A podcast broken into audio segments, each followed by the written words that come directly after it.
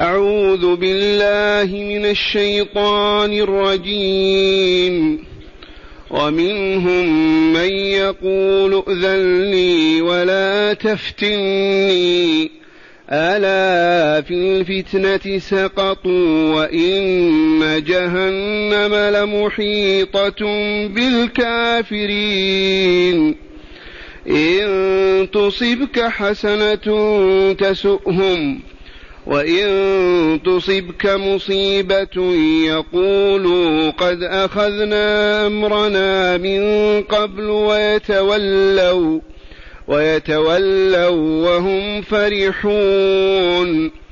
قل لن يصيبنا إلا ما كتب الله لنا هو مولانا. وعلى الله فليتوكل المؤمنون.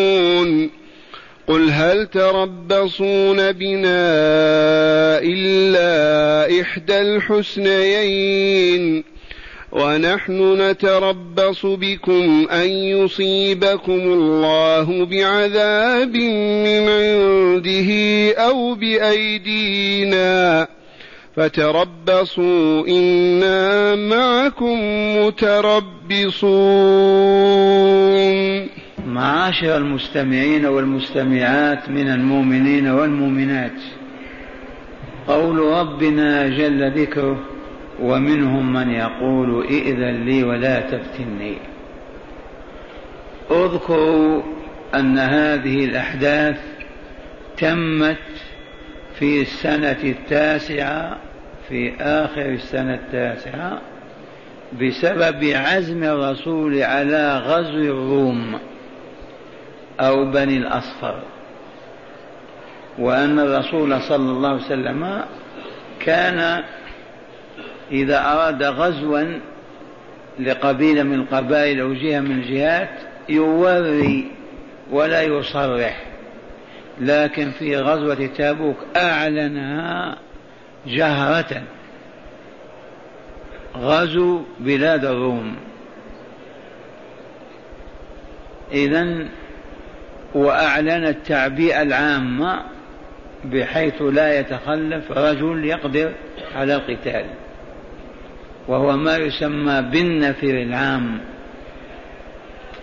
فلما أعلن ذلك وأخذ يعد عدته ويتجهز لقتال الروم المنافقون وضعفة الإيمان. جاءوا يستأذنون للرسول صلى الله عليه وسلم في أن يأذن لهم بالبقاء. وأكثرهم منافقون.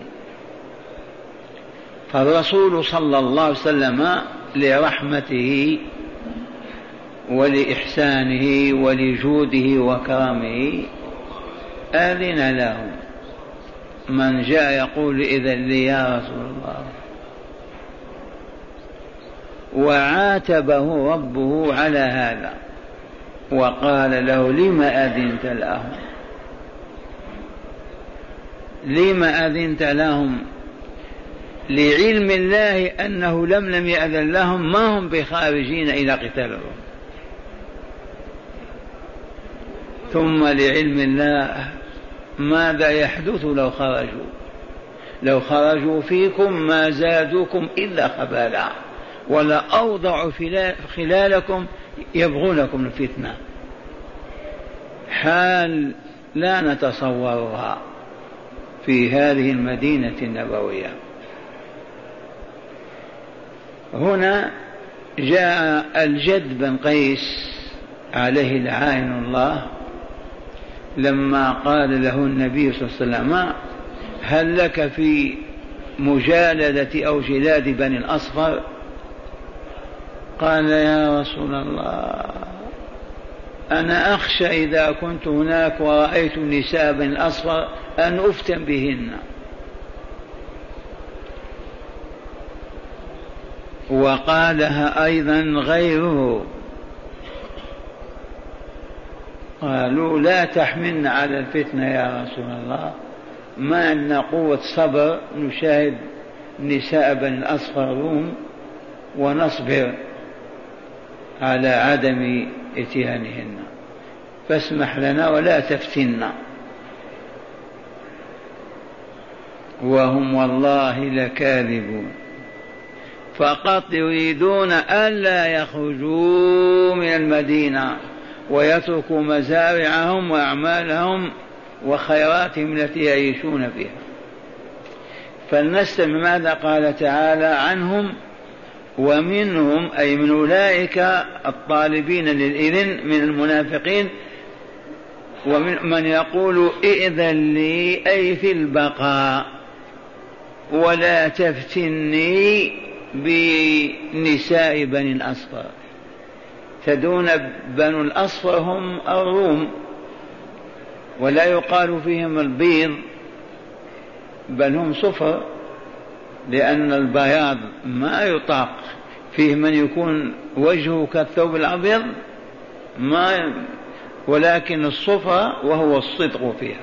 هم بنو الأصفر وبنو الأسود معروفون. ولكن الروم لبيض لبياضهم هم بنو الأصفر فقال جد بن قيس عليه لعن الله لا تفتني يا رسول الله إذن لي بالبقاء ولا توقعني في فتنة النساء.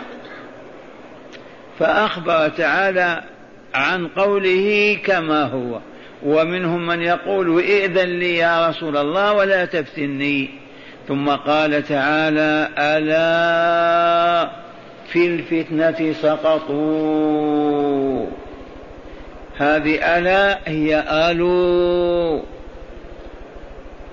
في القرآن ألا وعند أصحاب الهواتف ألو وهي جملة حرف يقال للتنبيه. ألا في الفتنة سقطوا. من يخرجهم؟ وقعوا في الفتنة. في فتنة أكثر من الكفر والشرك وبغض الرسول وتمني هلاكه وتمني سقوط دولته. أي فتنة أعظم هذه. أخبر تعالى أنهم في الفتنة ساقطين. إذ قولهم هذا ما كان إلا لأنهم في فتنة. وإلا كيف يكذبون على الرسول يقولون نحن نتأخر بنساء بني, الأصفر فاسمح لنا بعدم الخروج. ألا في الفتنة سقطوا وإن جهنم لمحيطة بالكافرين. سجل كفرهم وأنهم أهل النار وأن جهنم محيطة بهم. خبر عظيم هذا. لأنهم يبغضون رسول الله ويبغضون المؤمنين ويحتالون على أن لا يقاتلوا الكفار ولا يجاهدوهم فهم كفر فجأة من هذا كان هذا الإعلان وإن جهنم لمحيطة بالكافرين. أين يهربون؟ ثم قال تعالى يخاطب رسوله قطعا المؤمنين أصحابه معه فيقول إن تصبك حسنة نصر غنيمة عودة شريفة من قتال بني الأصفر تسؤهم وهذا كما علمتم. إلى الآن الكفار والمنافقون إذا أصابت المسلمين سيئة يفرحون. وإن أصابتهم حسنة يحزنون. هذه طبيعتهم. إن تصبك حسنة تسؤهم فيكربون ويحزنون. كيف ينتصر؟ كيف يعود سالما؟ كيف كيف؟ وإن تصبك مصيبة بعدم انتصار بهزيمة بغلبة بمرض بكذا يقول قد أخذنا أمرنا من قبل. هذه الأحاديث في مجالسهم الخاصة في بيوتهم. المنافقون أصدقاء لبعضهم البعض يجتمعون ويتحدثون.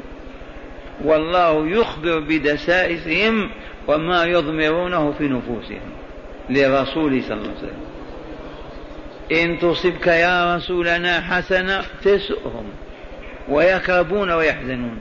وإن تصبك مصيبة يفرحون. ويصرون يقولون قد أخذنا أمرنا من قبل أي عرفنا أنه ينكسر وينهزم ما يستطيع يقاتل بني الأصفر فلهذا ما خرجنا ولا أجبنا دعوته لعلمنا بهذه الحقيقة. فلهذا قد أخذنا أمرنا من قبل ويتولوا وهم فرحون مسرون. هذا إن أصيب رسول بالنزام. كما حصل في أحد ذي حال تولوا وهم فرحون مسرورون بهزيمة الرسول والمؤمنين. وهذه أخلاق الكفار وطباعهم مهما تزينوا وتحسنوا بالألفاظ فالواقع هو هذا.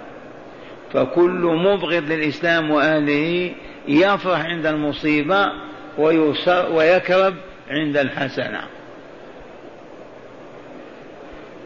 إن تصبك حسنة تسؤهم وإن تصبك مصيبة يقولوا قد أخذنا أمرنا من قبل.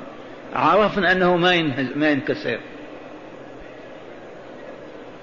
ويتولوا إلى بيوتهم وهم فرحون مسرورون فقال الله لرسوله صلى الله عليه وسلم قل يا رسولنا لن يصيبنا إلا ما كتب الله لنا. لن يصيبنا من خير أو غير من نصر وغنيمة أو من هزيمة وانكسار. ماذا لن يصيبنا إلا ما كتب الله تعالى لنا في كتاب المقادير؟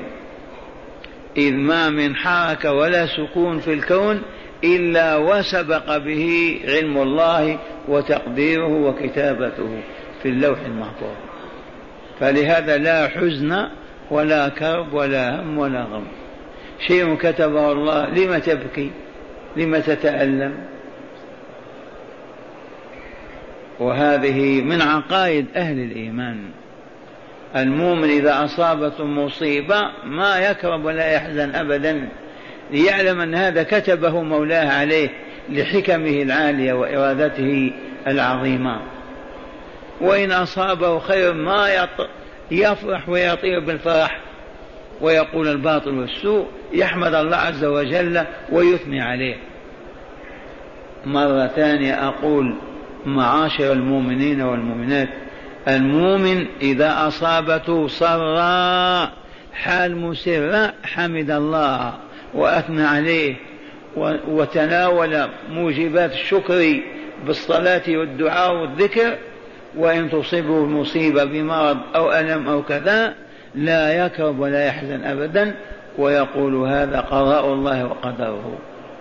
هذا هو الخير الذي كتبه الله. أنا عبده وهو مولاي. ما قدر علي إلا ما في خير لي. فالمؤمن لا يكرب ولا يحزن. ولا يفرح ولا يطير بالفرح حتى يقول الهجر والباطل.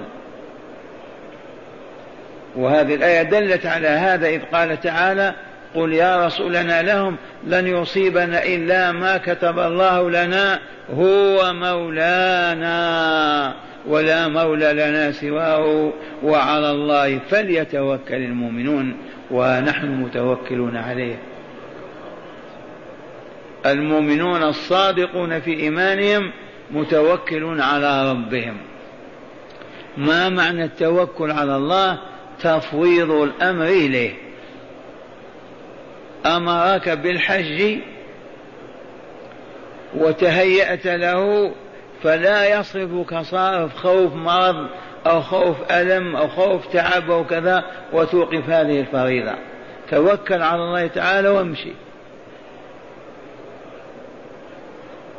أعلنت حرب بيننا وبين المشركين والكافرين كذلك ما دمنا قد أعلناها وأقدمنا عليها ما تردنا الهواجس والخواطر وكذا وكذا نتوكل على ربنا ونمضي في طريقنا إلى قتالهم فالرسول ما تراجع أبدا ما شاء. وعلى الله فليتوكل المؤمنون. والمؤمنون كما علمتم الصادقون في إيمانهم. المؤمنون بحق. والإيمان كما علمتم تصديق الله ورسوله في كل ما أخبر به من شأن الغيب والشهادة. أركانه الستة المعروفة. أولئك المؤمنون.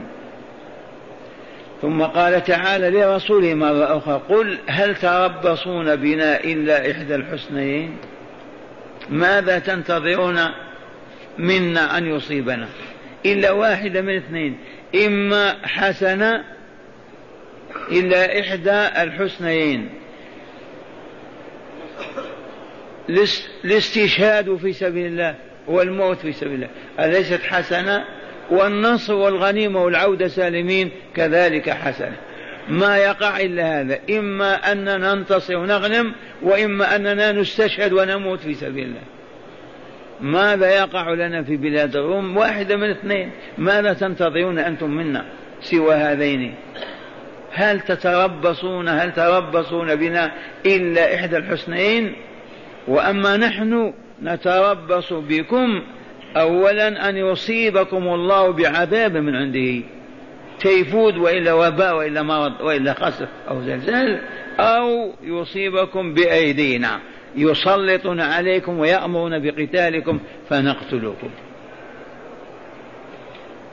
تأملوا.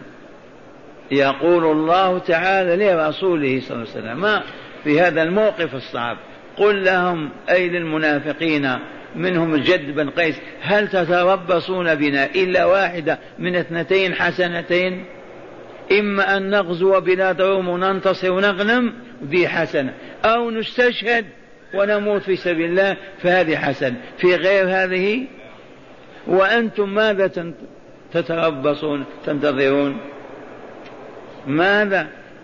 إلا نعم ونحن نتربص بكم أن يصيبكم الله بعذاب من عنده بالمجاعة بالمرض بما يشاء أو بأيدينا بأن يأمرنا بقتالكم. من الجائز أن ينزل الله آية يا أيها الذين آمنوا اقتلوا فلان وفلان وفلان. ولا حرج. فقوله تعالى أو بأيدينا أي يسلطون عليكم فنقتلكم. ثم قال تعالى إذا فتربصوا. تربصوا انتظروا. إنا معكم منتظرون. من الغالب؟ من المنتصر؟ من السعيد؟ من الشقي؟ تعود كل النكبات عليهم والولاء والمصائب عليهم. ولهذا أسلموا ودخلوا في رحمة الله إلا من شاء الله عز وجل. بهذه الهدايات القرآنية يسمعونها تقرأ وتتلى ويفهمون أكثر مما نفهمها. ولهذا ما مات الرسول إلا ومنافقين ثلاث منافقين فقط. والباقي كلهم أسلموا ودخلوا في رحمة الله. نسمعكم شرح الآيات من الكتاب. فتأملوا. معنى الآيات قال ما زال السياق في الحديث عمن عن المنافقين. من من المنافقين؟ المتخلفين عن غزوة تبوك. فيقول تعالى ومنهم من يقول ائذن لي أي في التخلف عن الجهاد لما يبدي من علل كالمرض أو الفقر أو ما إلى ذلك. أي في التخلف عن الجهاد ولا تفتني بإلزامك أن بإلزامك لي بالخروج. أي لا توقعني في الفتنة. فقد روي أن النبي صلى الله عليه وسلم قال له هل لك يا هل لك في في جلاد بني الأصفر؟ فقال إني مغرم بالنساء وأخشى إن رأيت نساء بني الأصفر وهم الروم لا أصبر عنهن فأفتن. هذا زعيم المنافقين بهذا الهبوط. مرة ثانية. قال ومنهم من يقول إذا لي أي في التخلف عن الجهاد. ولا تفتني بإلزامك لي بالخروج أي لا توقعني في الفتنة. فقد روي أن النبي صلى الله عليه وسلم قال هل لك في بلاد أو في جلاد بني الأصفر؟ فقال إني مغرم بالنساء. ما يستحي لو كان مؤمن يخشى أن يقول هذا الكلام. إني مغرم بالنساء وأخشى إذا رأى إن رأيت نساء بني الأصفر وهم الروم لا أصبر عنهن فأفتن. والقائل هذا هو الجد بن قيس أحد زعماء المنافقين في المدينة. فقال تعالى دعاء عليه وردا لباطله ألا في الفتنة سقطوا. هذا دعاء من الله وإلا لا؟ ورد على زعمه ألا في الفتنة سقطوا وأي فتنة أعظم من الشرك والنفاق؟ ما هي الزنا والقمار؟ الشرك والنفاق. أعظم فتنة. وإن جهنم لمحيطة بالكافرين وبأمثاله بالكافرين وبأمثال الجد بن قيس من أهل الكفر والنفاق. هذا ما دلت عليه الآية الأولى. أما الآية الثانية فقد تضمنت الكشف عما يقوله المنافقون في أنفسهم وهو أنه إن تصب الرسول والمؤمنين حسنة من نصر أو غنيمة وكل حال حسنة يسؤهم ذلك أن يكربهم ويحزنهم. وإن تصبهم سيئة من هزيمة أو قتل وموت يقولوا فيما بينهم قد أخذنا قد أخذنا أمرنا أي احتطنا للأمر فلم نخرج معهم حتى نصاب بما أصيبوا به. ويتولوا راجعين إلى بيوتهم وأهليهم وهم فرحون. هذا ما تضمنته الآية التي هي قوله تعالى إن تصبك حسنة تسؤهم وإن تصبك مصيبة يقولوا قد أخذنا أمرنا من قبل. ويتولوا وهم فرحون. أما الآيتان الثالثة والرابعة فقد علم الله سبحانه وتعالى فقد علم الله سبحانه وتعالى رسوله. علمه ما يقول إغاظة لأولئك المنافقين. إغاظة ليغيظهم أولئك المنافقين وإخبارا لهم عما بما يسوءهم.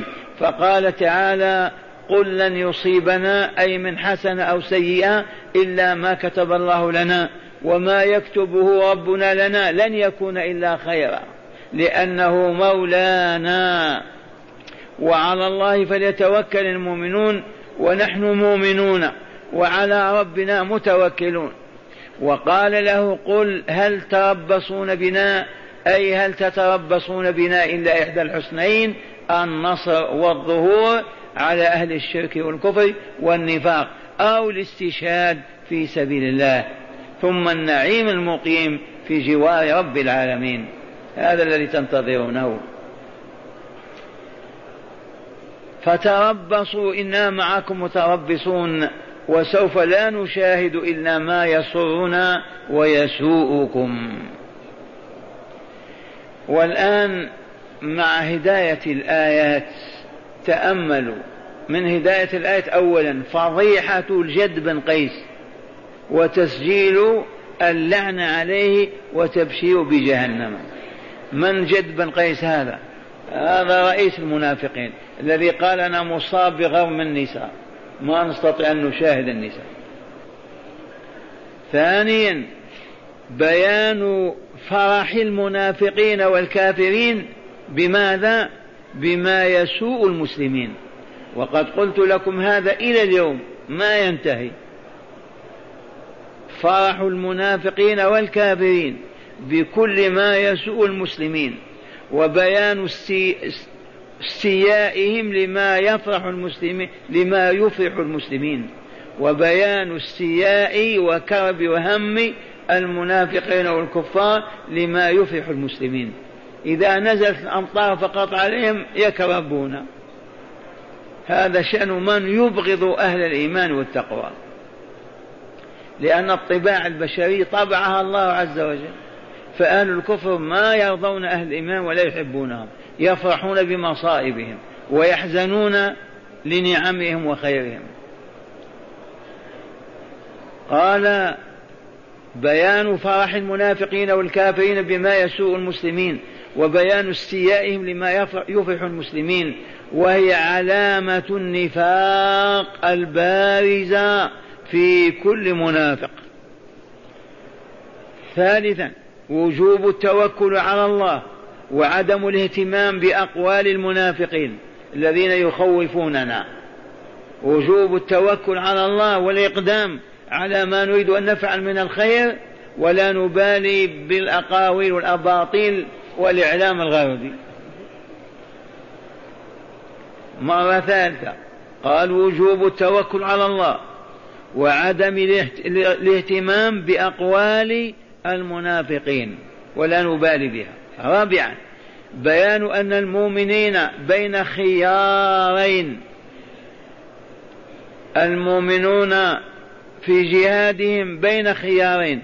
النصر أو الشهادة. في غير هذه المؤمنون في جهادهم بين خيارين إما النصر وإما الاستشهاد. في سبيل الله. خامسا مشروعية القول الذي يغيظ العدو ويحزنه. يجوز لك أن تقول قولا من شأن أن يغيظ العدو ويحزنه. عدو الكافر المنافق ما هو المؤمن؟ من أين أخذنا هذه؟ قل هل تربصون بنا إلا إحدى الحسنين ونحن نتربص بكم أن يصيبكم الله بعذاب من عنده أو بأيدينا. فتربصوا إنا معكم متربصون.